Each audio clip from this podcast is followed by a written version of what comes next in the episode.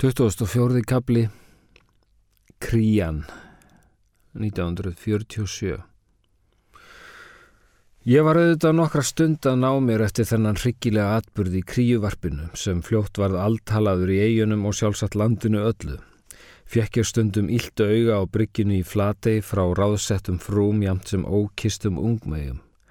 Rósa vinnukona sáum að koma sannleikanum um borði í alla báta. Ég var meira að segja kölluð krían í vissum kreðsum. Þó gæt ég ómögulega að teki sökina á mig. Það er ekki til neitt sem heitir morð af áhuga leysi. Og satt að segja er spurningin fremur teoretísk en lagaleg. Gort er í sjálfu sér hræðilegra að skemmtileg manneskja drepist úr leiðindum eða leiðinleg manneskja drepi sig. Á balli í breyðfyringabúð riðist á mig blindfullur drengur. Þú drast bróðu minn! Og hann fæðist aftur, vittu til. 2050 kapli Hótel Ísland 1928 Fadir minn var Hans Henrik Björnsson, frumburður Sveins og Georgi Björnsson, síðar fórsetta hjóna á Bessastöðum. Hann var fættur 1908 og því fjórum árum yngri en mamma, Guðrún Marsibil Salbjörg Salomónsdóttir. Hún var dóttir fyrrnemdrar verbjargar Jónsdóttir úr Staglei og samræðara hennar Salomóns Ketilssonar úr Hergilsei.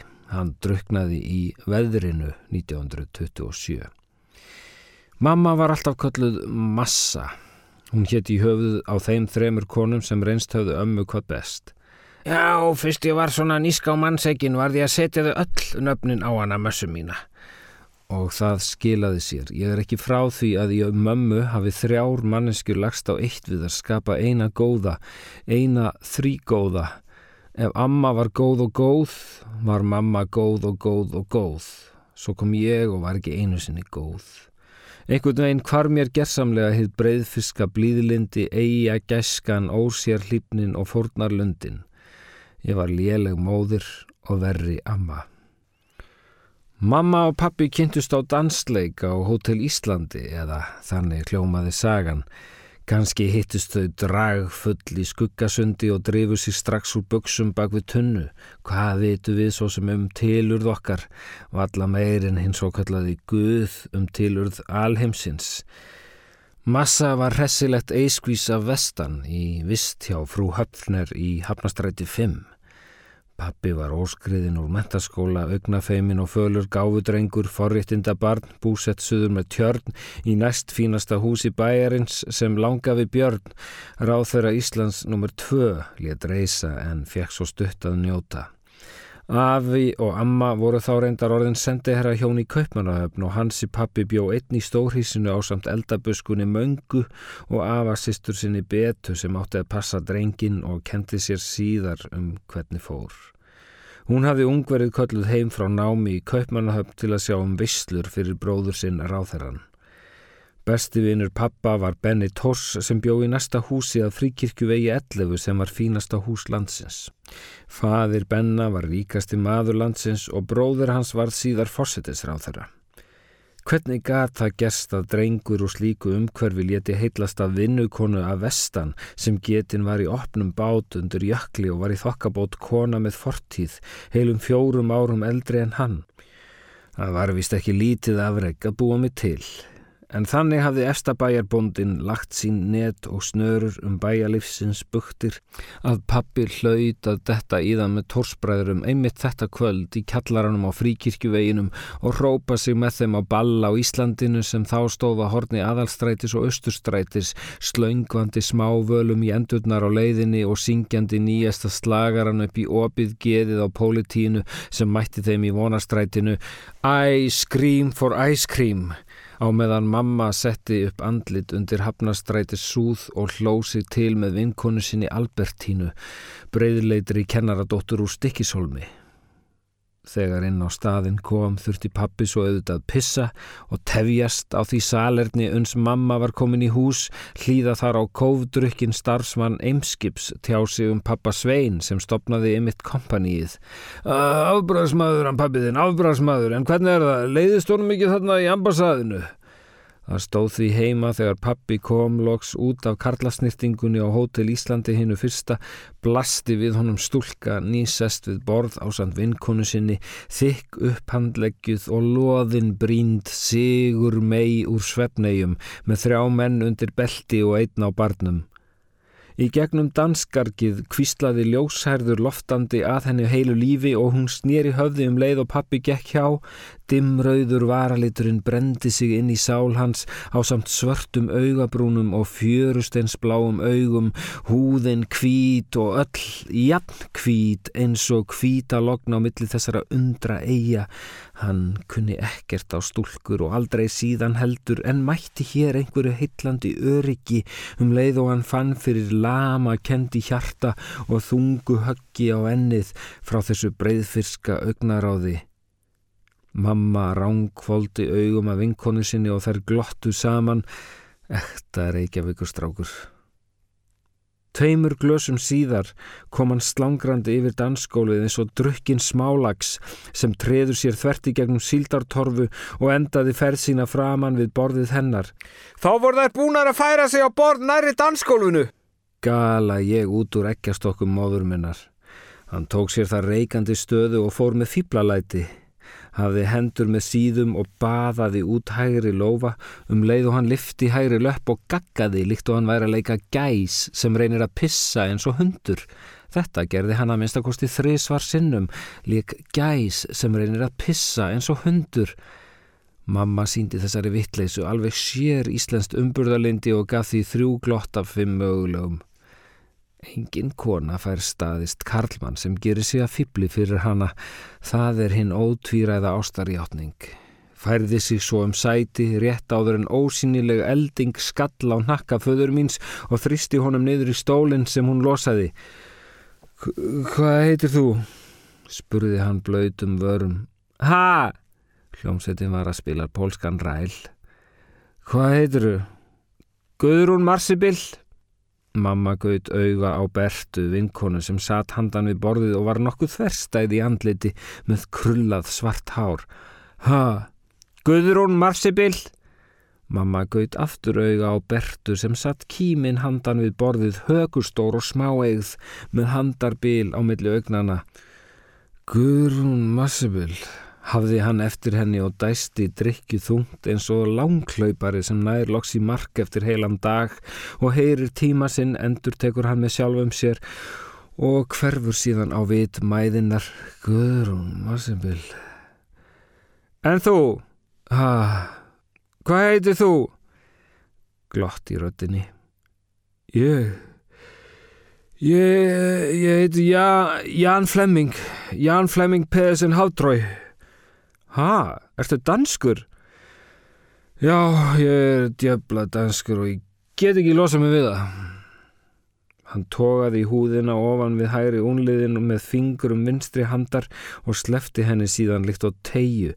Hann endur tók þetta og barði sig svo í handleikin án afláts, síðan í höfuðið, gaf sér loks kinnhesta. Geta bara ekki. Ah, djöbla djúls danskur. En þú talar mjög góða íslensku. Ertu gengin? Já. Og hvað er hann? Hann er þarna. Hvar?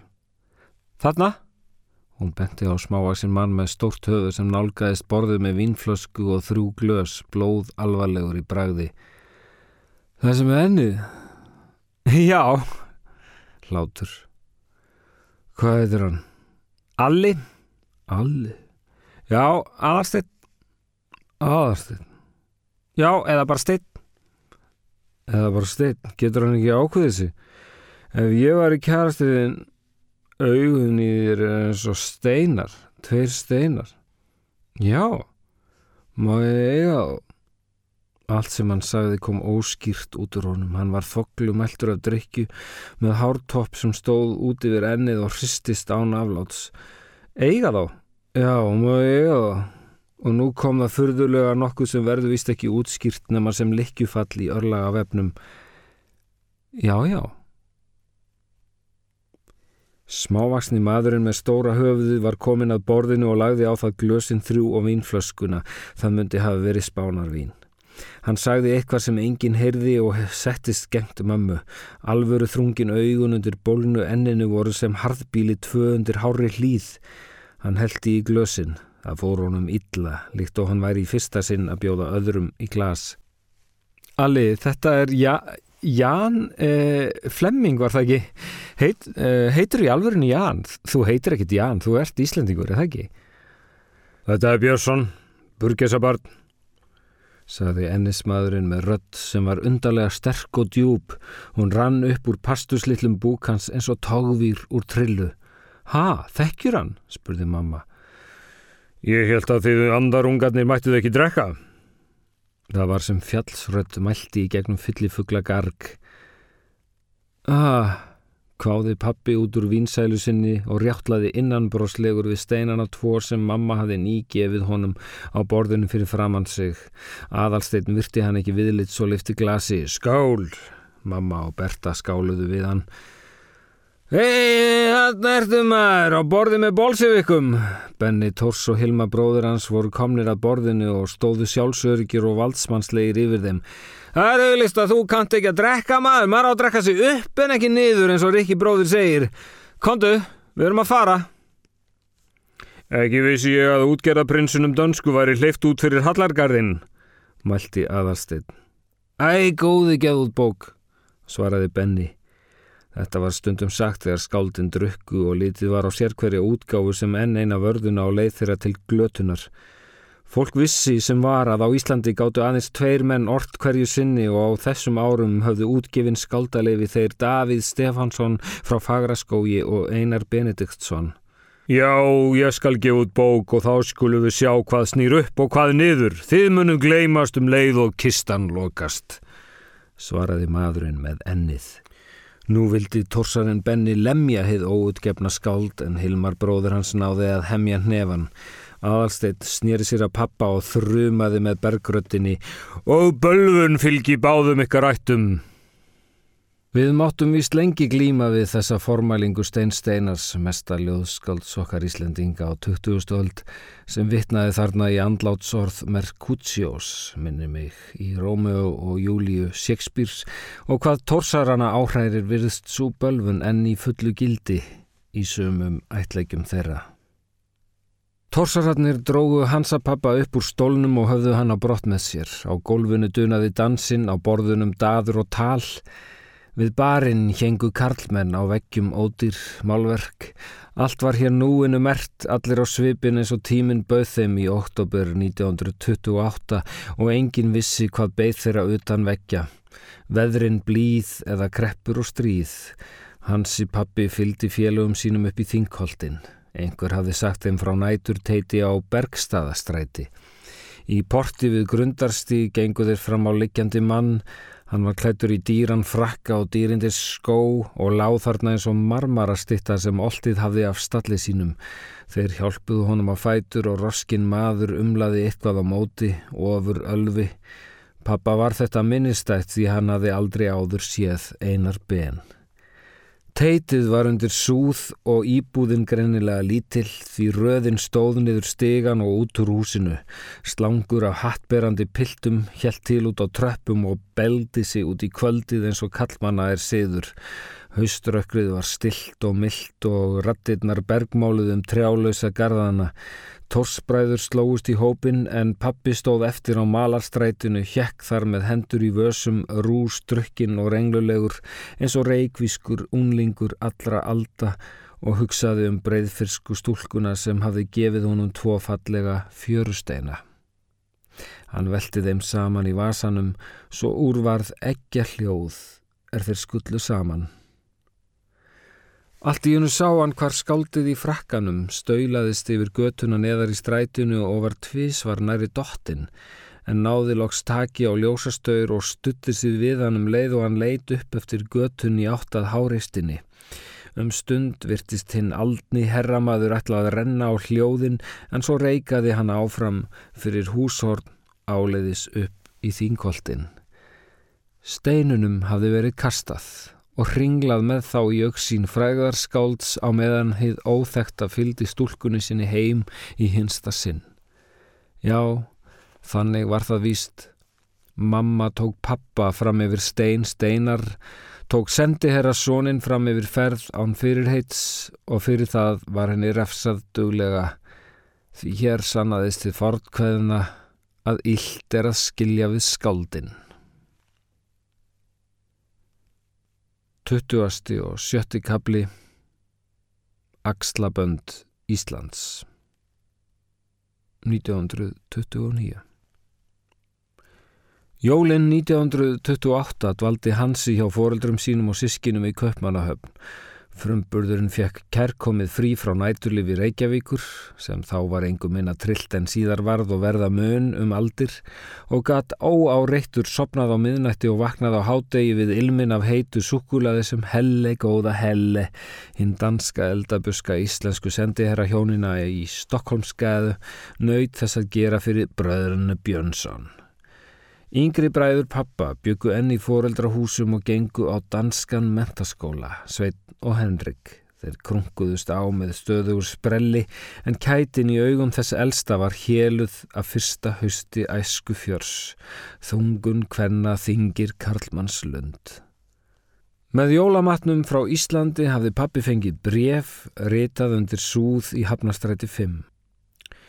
Og eftir áramótin gekk hinn tvítu í dökkbrindi glókollurinn á skrifstofu föður síns en í þann tíð höfðu mektarmenn allra landa einnig skrifstofu heima hjá sér sem líktist þó fremur smári heilviðar kapellu hvar tegnaður voru tölur og símtöl til að tilkynna honum vissan atburð sem orðið hefði upp á Íslandi fyrrum veturinn, vissan atburð, já, óhapp, jável, sem sagt vissan hlut sem bæri í sér eh, vissa þyngd sem að auki ætti eftir að ágerast eh, með tímanum allt svo Hann nefndi nafn stúlkunar og laug síðan þessu loðmáli sínu með því að gera rullandi tákn með vísifingri hægri handar sem átti að líkindum að tákna framrás lífsins. Afi Sveitn tók af sér glerugun og kom þumlunum fyrir á bakvið axlaböndin neðst við buksnastrengin. Það voru axlabönd Íslands á erlendri grund. Ég skil og hverra manna er hún? Þar fór í verra. Þótt hér var í komin fyrsta spurningin sem allir Íslands feður hafa spurt börn sín um tengdabörnin frá upphafi landnáms kom hún pappa í opna skjöldu. Hann hafði satt að segja aldrei hugsað út í þetta og sannaðist hér svo síkilda speki að ungur maður hugsaði lengra en sáð hans dregur. Hann rétt myndi að stúlkan var Salomonsdóttir og að mamma hennar væri einhver gömul kona í einhverju eigu einhver staðar. Það var jáfnvel ekki fullvist að hún væri komin af mönnum yfir leitt. Heldur gott ef ekki einhverjum undarlegum þjóðflokki sem hefðist við í útskerjum Íslands og væri eins konar blanda af álfum, selum og sandkverfum. Uh, ég, ég veit það ekki. Þú veist það ekki? E, nei. Og nú þagði sendiherran. Hann þagði nógu lengi til þess að sonurinn sá sem var að hér hafði hann bóðið föður sínum upp í trilltan Charleston dans og það í hans eigin buró um hábjartan dag, einhvern svipaðan svita snúning og hann hafði sjálfur stíð með þessu óláns útskerja kvendi nóttina sem ég kom undir stúlku sem í þokkabót var kölluð massa. Ó bara að hann kæmist aldrei að því að hún var kölluð massa. Því lík neysa, hún gæti allt eins heitið skessa. Og fadir hann sem hafi farið allarleið til kaupmanafnar eftir kvonfangi sem hétt því tígulega nafni Georgia og satt nú hér sem fremsti fulltrúi landsins í glansviðar íbúð á Stokkólms götu með tæpa fjóra metra undir loft Næstum tvo heila auka metra upp á hlaupa ef til þess kemi að sendi herra Íslands þyrti mjög skindilega að stökka hæð sína í loft upp. Sjálfsagt var Kotegar stúlkan alin upp í einn byrstum torfbæ, ámátlegri strömp þúfu sem koma mætti fyrir í hilsin í borðsalnum frammi og það án þess að hækka þyrti kristalsljósa krónuna.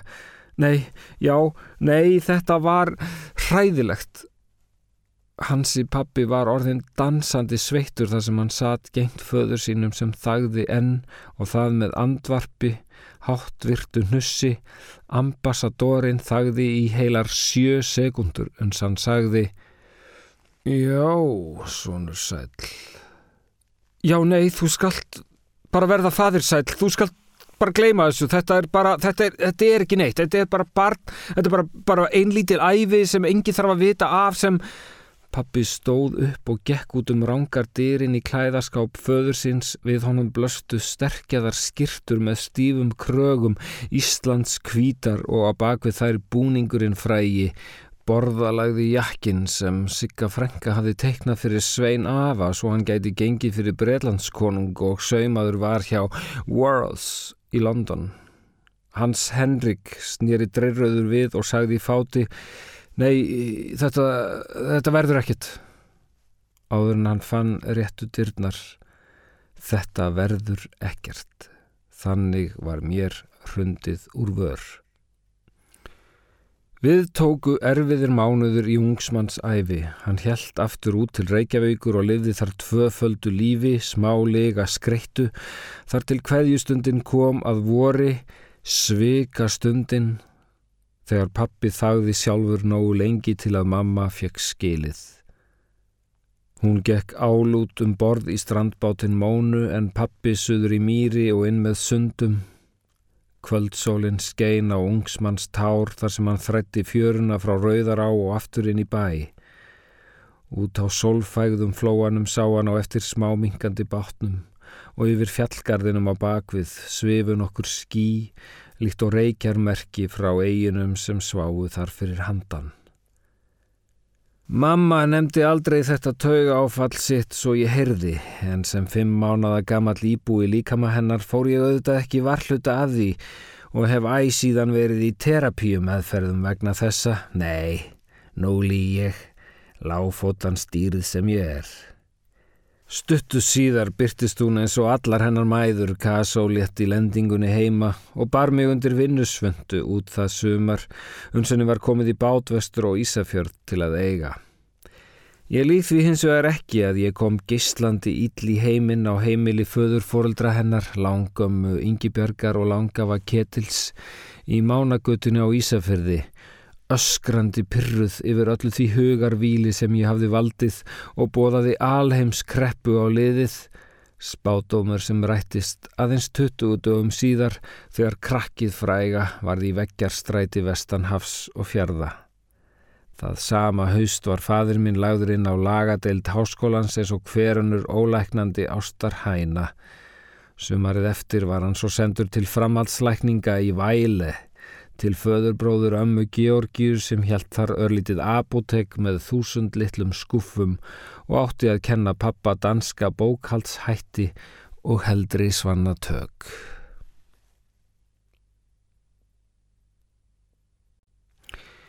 Tuttugasti og sjöndi kapli Bakvið sumrin sjö 1929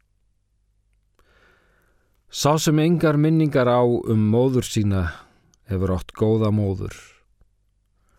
Ekki man ég neitt eftir mömmu frá árunum okkar í söpnegjum, sumrum sjö og vetrum sjö, og þó sváum við lengst af í sama rúmi.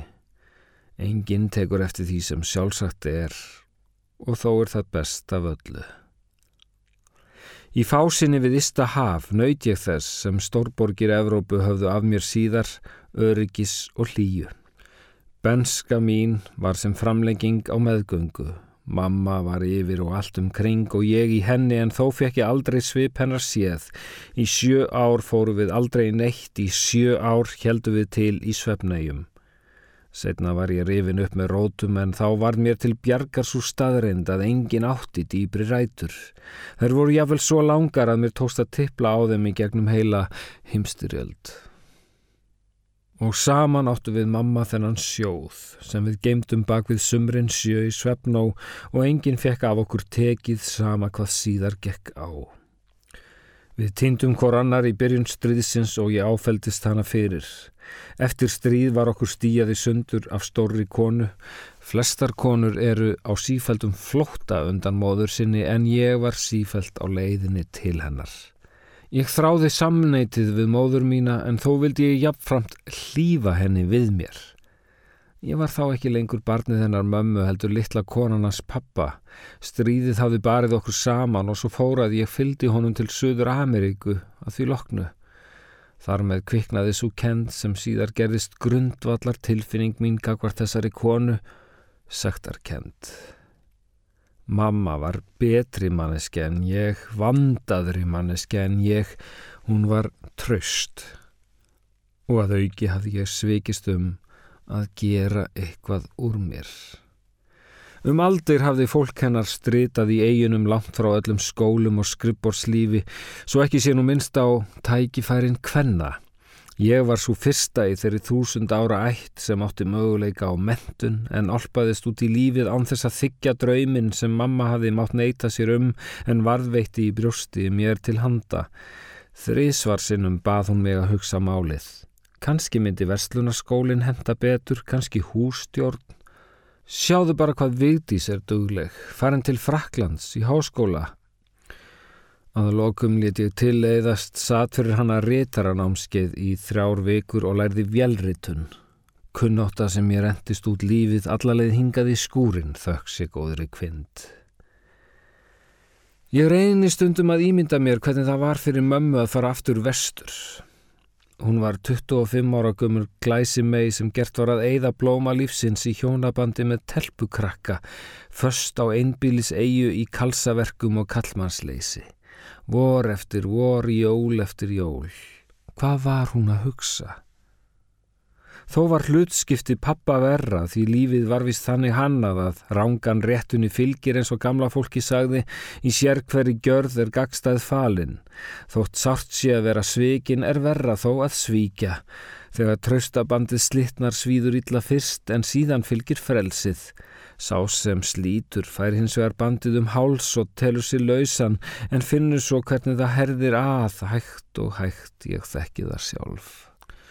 Stundum gefur gæfan aðeins einu sinni og veið þeim sem kastar spilum hennar á glæ. Það var sama hvað pappi reyndi, honum lánaðist ekkert. Hann loknaðist út af í laganámi, lippaðist niður við livjaskáp, fytlaði við fyrlu sína en fann ekki lengur tónin. Þeir sem villast í skógi, reynað rata á rétta vegin, en sá sem týnt hefur sjálfum sér hefur lítið með veg að gera.